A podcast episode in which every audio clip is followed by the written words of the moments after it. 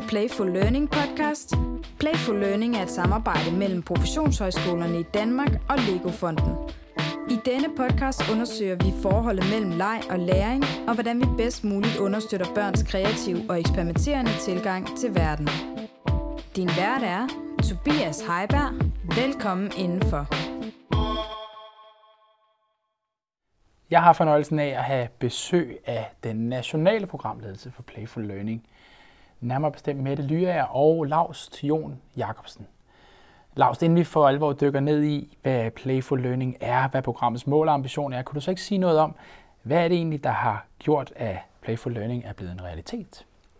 Jo, øhm, det er en kombination, en, øh, kan man sige, tror jeg, meget heldig kombination af to ambitioner, to forskellige steder. Den ene ambition er de danske professionshøjskolers ambition om at være de dygtigste og de fremmeste i forhold til fremragende undervisning. Den anden ambition er Legofondens ambition om at øh, øh, gøre en stor indsats øh, i Danmark øh, på deres hjemmebane, om man så må sige, øh, for lejende læring, for det at udbrede lejens betydning for læring. De to interessenter, om man så må sige, øh, institutioner, om man vil, øh, har brugt Future Classroom Lab, et øh, øh, inspirerende og udviklende læringsmiljø øh, på en af professionshøjskolerne som katalysator for at øh, mødes om et stort fælles projekt, som er kommet til at hedde Playful Learning. Kan du sætte nogle ord på, hvorfor der er behov for sådan en type af udviklingsprogram? Jeg tror, vurderingen er såvel hos professionshøjskolerne som hos Legofonden, at der er brug for et paradigmeskifte. Øh, for professionshøjskolerne er det et, øh, et paradigmeskifte, som, øh, som fokuserer på det, der sådan kan lyde lidt tungt, professionsdidaktikken. Altså, hvad, hvad vil det sige at være Øh, at uddanne pædagoger og lærere med flere. Øh, hvad er det for en særlig didaktik, en særlig måde, en særlig kombination af praksis og teori osv., som skal bruges. For Lego-fonden øh, tror jeg, at det, det betyder rigtig meget, at de kan se sig ind i den ambition i forhold til at øh, få spredt øh, ambitionen om, øh, om lejende læring. Det at øh, igen lejens betydning øh, er så kæmpestor og skal, øh, og skal have en meget større betydning i forhold til uddannelse, øh, men også i forhold til øh, de aller tidligste år i dagtilbud. Hvis vi så går fra baggrunden for, for Playful Learning-programmet til at stille lidt skarpere på, hvad Playful Learning egentlig er, og hvad programmets mål og ambition er, hvad vil du så sige til det? Det er en kæmpe ambition at gå i kast med at øh, ændre øh, hele tilgangen til pædagogik og didaktik i et land. Og det er i virkeligheden det, som professionshøjskolerne og Legofonden har sat sig for. Jeg tror ikke, at øh, jeg kan komme i tanker om noget tilsvarende i virkeligheden.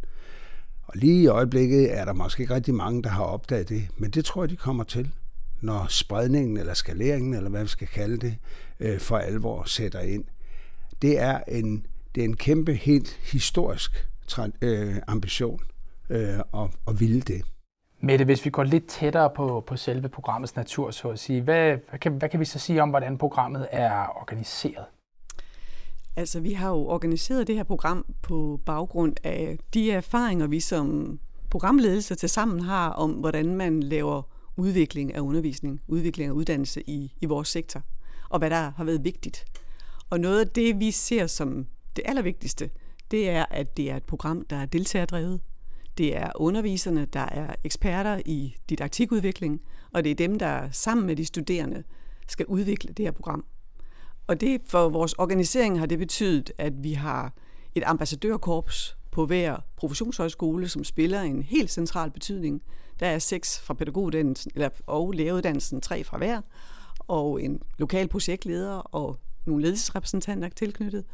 Og det er dem, der ligesom driver programmet fremad og skaber den substans og det indhold og det grundlag, der skal være i programmet. Og det er også dem, der har en supercentral rolle i forhold til den spredning, som Lars også snakker om, at vi faktisk får involveret endnu flere undervisere i, i programmet. Så udover sådan det deltagerdrevne, så kan man sige, at en anden erfaring er også, at udviklingen af undervisning altid foregår i en kontekst. Og det betyder, at øh, vi skal have rum for, vi skal lave en ramme for, at der kan være en mangfoldighed af tilgangen til Playful Learning. Så de, de eksperimenter, man arbejder med i den lokale kontekst, kan være forskellige, men inden for en, en fælles ramme, der gør, det, der gør det muligt også at bruge hinanden på tværs af professionshøjskolerne. Og derfor arbejder vi med dels en, en åben ramme, hvor man kan arbejde forskelligt, men hvor, man, hvor der er en, en form for puls i programmet, så man også kan bruge hinanden undervejs. Og vi arbejder også med nogle, en, nogle fælles programgrundlag med, nogle, med tre arenaer, som vi alle sammen arbejder med, som dels er noget med at få etableret nogle playlabs på alle professionshøjskolerne, så vi har nogle rum, som ligger op til at invitere til en anden professionsdidaktik, en anden tilgang til undervisningen, end vi kender. Vi har nogle øh, eksperimenter, som vi også kalder prøvehandlinger, i konkret i undervisningen, og øh, vi har noget kompetenceudvikling, som både gælder ambassadørerne og få, få dem løftet til at påtage sig den rolle, og som også gælder bredere ud en kapacitetsløft i det hele taget i sektoren øh, i forhold til Playful Learning. Og endelig så er der også en, et element i, i organiseringen, som, som jeg faktisk synes er ret interessant, nemlig uforudsigelighed. At når vi tror på, at det skal udvikle sig indefra, og det skal udvikle sig gennem underviserne og de studerende, så ved vi ikke på forhånd, hvad der skal ske. Det er ikke et koncept, som vi ruller ud over. Det er ikke en, et færdigbagt, en færdigbagt forståelse af, hvad playful learning er. Det er noget, vi udvikler sammen. Og det gør selvfølgelig også, at vi ikke fra starten af kan give nogle fuldstændig tydelige svar på, hvad playful learning er, eller hvordan det udfolder sig. Men det er det, vi prøver på at indsnævre øh, efterhånden, som vi faktisk gør os nogle erfaringer med, og underviserne gør sig nogle erfaringer med, hvad der, hvad der virker i, i deres praksis. Så vi prøver også at have den der balance mellem noget, der er uforudsigeligt, men også noget, der udkrystalliserer sig og bliver tydeligt hen ad vejen. Lars, nu beskriver Mette jo det her forhold mellem de her lokale eksperimenter, den her lokalt forankrede udvikling, der alligevel er sådan en harmonisk forhold med en lokal genkendelighed på tværs af alle landets professionshøjskoler. Hvad gør du der af forestillinger om forandringer på professionshøjskolerne over tid i Play for Learning-programmet? Allerførst tror jeg, jeg vil sige, for at svare nu hen til et svar på, på det, du spørger om, at øh, det smukke ved det her projekt er jo, at øh, man har startet det rigtige sted i værdikæden. Altså hvis man vil have, at det her projekt skal have den effekt, forandring, øget kreativitet, øget, skal vi sige, didaktisk pædagogisk mod øh, i øh, dagtilbud og i skoler, så skal man starte med underviserne, øh, med, med uddannelsen til pædagoguddannelse og læreruddannelse, og dem, der underviser de kommende lærere og pædagoger. Det har Lego-fonden set, og det er klart, at det er det professionshøjskolernes øh, kerneopgave øh, i virkeligheden.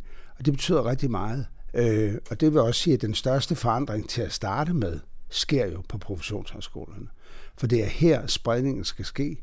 Det er her de mange undervisere og dermed de mange studerende skal få øjnene op for at afprøve og kaste sig ud i, hvad playful learning er for noget. Helt i stil med det, Mette sagde lige før, at der er ingen faste rammer. Det smukke er jo også, at det her er afkonceptualiseret, som det blev sagt. At det er ikke en ny metode. Vi kender den jo, skotsk metode, eller hvad det nu hedder, alt sammen, som er, kan være rigtig udmærket, men er døgnfluer. Det her er ikke en døgnflue, det er et paradigmeskifte, og det er noget helt andet. Og selvfølgelig får det betydning på, på professionshøjskolerne for organiseringen, for tænkningen, på øh, øh, bekendtgørelse, hvis, hvis vi kan komme så langt, altså curriculum og så videre. Øh, det er tanken, at øh, vi går all in på det her. Men som sagt, igen, og ikke for at gentage mig selv eller os, men det er meget, meget vigtigt, at det har ikke en bestemt løsning, det her, eller en bestemt måde, men det har noget over sig, som er værdimæssigt og pædagogisk usandsynligt vigtigt. Og det er kreativitet og vågemod. Nu stiller Lars jo temmelig skarpt på kerneaktører i det her program, altså underviserne, hvor igennem det her program skal folde sig ud, blandt andet. Mette, hvad kræver det af underviserne i Playful Learning-programmet? Det korte svar er jo, at det kræver rigtig meget, fordi de jo både skal sætte deres sådan velkendte underviserposition på spil. De skal forlade katedret, de skal måske ovenkøbet slukke for powerpointen, de skal stille sig et andet sted sammen med de studerende. Øh, der er både noget med de velkendte formidlingsformer, den, den øh, viden, det vidensmonopol, nogle undervisere har i, i undervisningsrummet, skal de også forlade og åbne op øh, for nogle mere åbne processer sammen med de studerende. Og de skal også sætte sig selv i spil. En lejende tilgang kræver også en lejende underviser. Så de skal også være parat til at kaste sig ud i nogle undersøgelsesprocesser øh, og nogle lejende processer sammen med de studerende. Så jeg tænker faktisk, at det her det er noget af et paradigmeskifte også for, for en underviser. Og det skal vi have stor respekt for, øh, og gøre alt, hvad vi kan for at klippe dem på til og understøtte dem i. Så når underviseren på den måde begynder at forandre den undervisning, som man inviterer de studerende ind i, hvad betyder det så for den lærer- eller pædagogstuderende på sigt? Altså først og fremmest, så kunne man sige, det er måske også vigtigt lige at få med, at der foregår jo meget af det her i forvejen. Altså der foregår jo rigtig meget eksperimenterende, engagerende og undersøgende undervisning. Øhm, og det er jo den, den praksis, vi gerne vil have mere af. Men, og vi ved jo heller ikke helt præcis endnu, hvad det kommer til at betyde, for vi ved jo som sagt ikke helt, hvor, hvor vi ender. Men det vi kan se ud fra nogle af de eksperimenter, vi allerede har lavet, der allerede er lavet i, i uddannelserne, det er, at øh, noget af det, der bliver centralt, det er at være i øh, nogle åbne processer sammen med de studerende. At det er processen, der træder frem og bliver tydelig, og man skal være parat til at slippe noget af den kontrol, man traditionelt som underviser har i rummet, og de studerende, og tilegne de studerende en, en langt mere aktiv og involverende rolle øh, i undersøgelsesprocessen, hvor man ikke ved nødvendigvis, hvor, hvor det ender henne. Vi vil også se nogle studerende, som møder et større repertoire af forskellige læringsveje, veje til læring. Igen det her med at forlade måske den rent kognitive vej, PowerPoint-showet, og se nogle mere kropslige og æstetiske tilgange til læring. Så repertoireet bliver simpelthen større. Når nu vi ser på, at, at vi her tager fat i øh, professionsuddannelserne, altså uddannelsen af morgendagens lærer og pædagoger, Laust, hvad øh, kan man så forestille sig, at det her kommer til at betyde for lærere og pædagogers praksis, og dermed også for børn og unges hverdag i dagtilbud og skoler i Danmark? Ja, så er vi jo, øh, så er vi jo derude, som projektet øh, egentlig retter sig imod i sidste instans, altså i sige, øh, et, den anden ende af værdikæden, for at lige at vende tilbage til det. Øh, jeg tror lige, at vi starter også her, ligesom Mette gjorde før, øh, med at slå fast, at der sker rigtig, rigtig meget fornuftigt og godt og spændende jo også i dagtilbud, og også i øh, den danske folkeskole, så vi er langt, langt bedre, end, men, end det ry, den jo indimellem har. Der er også mange historier lige i øjeblikket om øh, dagtilbud, der er utilstrækkelige på den ene eller den anden måde. Men det er jo ikke det generelle billede i det her land. Der er særlige problemer rundt omkring. Så det her, men det her vil selvfølgelig komme til at betyde noget. Det er, det er jo tanken. Det er også, når man taler om det der fine ord paradigmeskifte, så er det, fordi det på en eller anden måde skal ændre den der tilgang, øh, som, som vi ser sådan, som måske er mainstream på rigtig mange måder. Ikke fordi, at den tilgang fejler noget, men fordi, at vi tror, at det kan blive bedre, og det kan blive sjovere, og det kan det både for dem, der er de professionelle, og det kan for de børn og unge, som er en del af det her. Der er sådan en gammel mantra, hvor man siger, at det er, det er den, der arbejder, der lærer noget. Mette sagde det lige før. Øh, jeg tror, vi har en tendens til, at, øh, at vi måske i gang sætter, vi gør for meget. Altså, vi, øh, vi glemmer, at, at børn er kreative, børn er rigtig dygtige til at udfolde sig, børn er rigtig dygtige til rigtig mange ting med den rette guidance og med den rette inspiration og alle de der ting. Så jeg tror, vi kommer til, og det er i hvert fald et af målen her, vi kommer til at se en mere sprudlende, skal vi sige, pædagogisk øh, rum eller miljø, såvel i dagtilbud som i folkeskolen. Øh, og det tror jeg er til gavn øh, for os alle. Jeg tror i øvrigt også, at øh, det er nogle af de kompetencer, der bliver bærende. Altså det der med at, at ville og kunne og ture og tænke anderledes, øh, hvis, øh, med, med, med den hast udviklingen har. Nu sidder vi her øh, og er på vej til at runde det første år af Playful Learning af. Startede jo formelt i 1. i 8. 2018 og inviterede sådan de første ambassadører osv. ind i det sene efterår 2018. Mette, når du kigger tilbage på det første år, hvad, hvordan vil du så beskrive processen? Hvad er der sket i programmet frem til nu? Altså jeg synes jo, vi kan nu se, at på de tre arenaer, som jeg beskrev kort før, er der sket rigtig meget. Det vil sige lige om lidt, så skal vi jo åbne seks playlabs rundt omkring på de seks professionshøjskoler. Og det har der selvfølgelig været rigtig stor optagethed af. Hvad er et playlab? Hvad skal det kunne? Hvad er det for nogle processer, sådan et rum skal fremme? Så det har vi arbejdet rigtig meget med, og vi har haft forskellige inspirationskilder inden, som har kunne fortælle os noget med, om deres erfaringer med, hvordan man etablerer playlab, og hvad et rum kan ved læreprocesser. Så det glæder vi os rigtig meget til. Vi har jo været samlet på tre seminarer i alt med alle ambassadørerne, hvor vi jo også er startet på den kapacitetsopbygning, som, øh, som vi talte om før, og har haft øh, både brugt hinanden rigtig meget på tværs af professionshøjskolerne, men også haft både nogle af vores egne folk til at, at, at sige noget om deres praksis og deres erfaringer ud i Play for Learning, og ikke mindst haft forskellige forskere, både fra ind- og udland, til at komme os og, og fortælle noget om, hvad sker der, hvad er state of art lige nu, både, både i Danmark og, og internationalt.